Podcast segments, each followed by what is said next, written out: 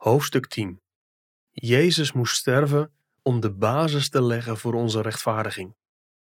Veel meer dan zullen wij, nu wij gerechtvaardigd zijn door zijn bloed, door hem behouden worden van de toorn. Romeinen 5, vers 9. En we worden om niet gerechtvaardigd door zijn genade, door de verlossing in Christus Jezus. Romeinen 3, vers 24. Wij komen dus tot de slotsom dat de mens door het geloof gerechtvaardigd wordt zonder werken van de wet. Romeinen 3, vers 28. Gerechtvaardigd worden in de ogen van God is niet hetzelfde als vergeving ontvangen van God. Ook gerechtvaardigd worden in de rechtszaal komt niet op hetzelfde neer als vergeving ontvangen.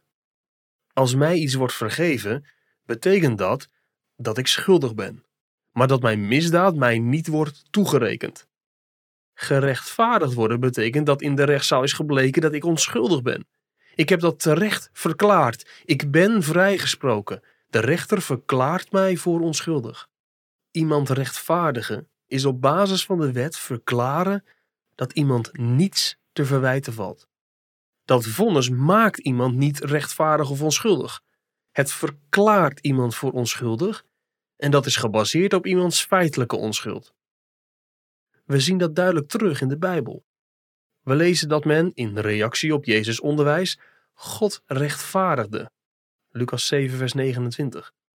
Dat betekent niet dat zij God rechtvaardig maakte, dat was hij al. Het betekent dat zij erkende dat God rechtvaardig is.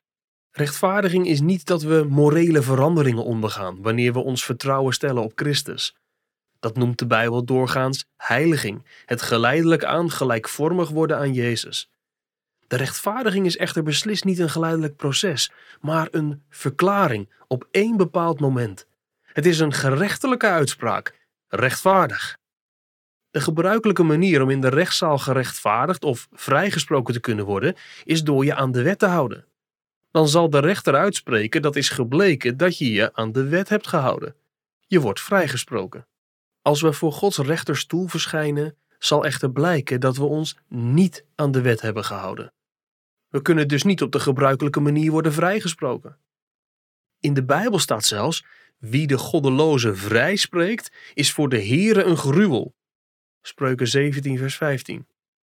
Verbazingwekkend genoeg staat er omwille van Christus toch ook geschreven dat God de goddeloze rechtvaardigt, die vertrouwt op zijn genade. Romeinen 4, vers 5.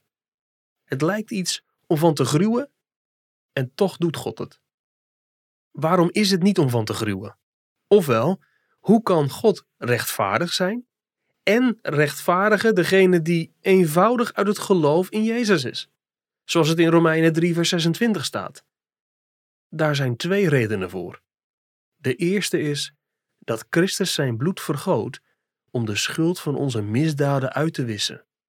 Daarom staat er: Nu wij gerechtvaardigd zijn door zijn bloed. Romeinen 5, vers 9. Maar dat betreft slechts het wegnemen van de schuld. Daarmee zijn we nog niet rechtvaardig verklaard. Een streep door onze fouten en gebreken is niet hetzelfde als verklaren dat wij ons aan de wet hebben gehouden. Als een docent 1-1 die je voor een tentamen hebt gehaald niet laat meetellen, is dat niet hetzelfde als er een 10 van maken. Als de bank mijn schuld kwijtscheldt, is dat niet hetzelfde als mij voor rijk verklaren. Zo is het ook met onze zonde. Daar een streep doorhalen is niet hetzelfde als ons rechtvaardig verklaren.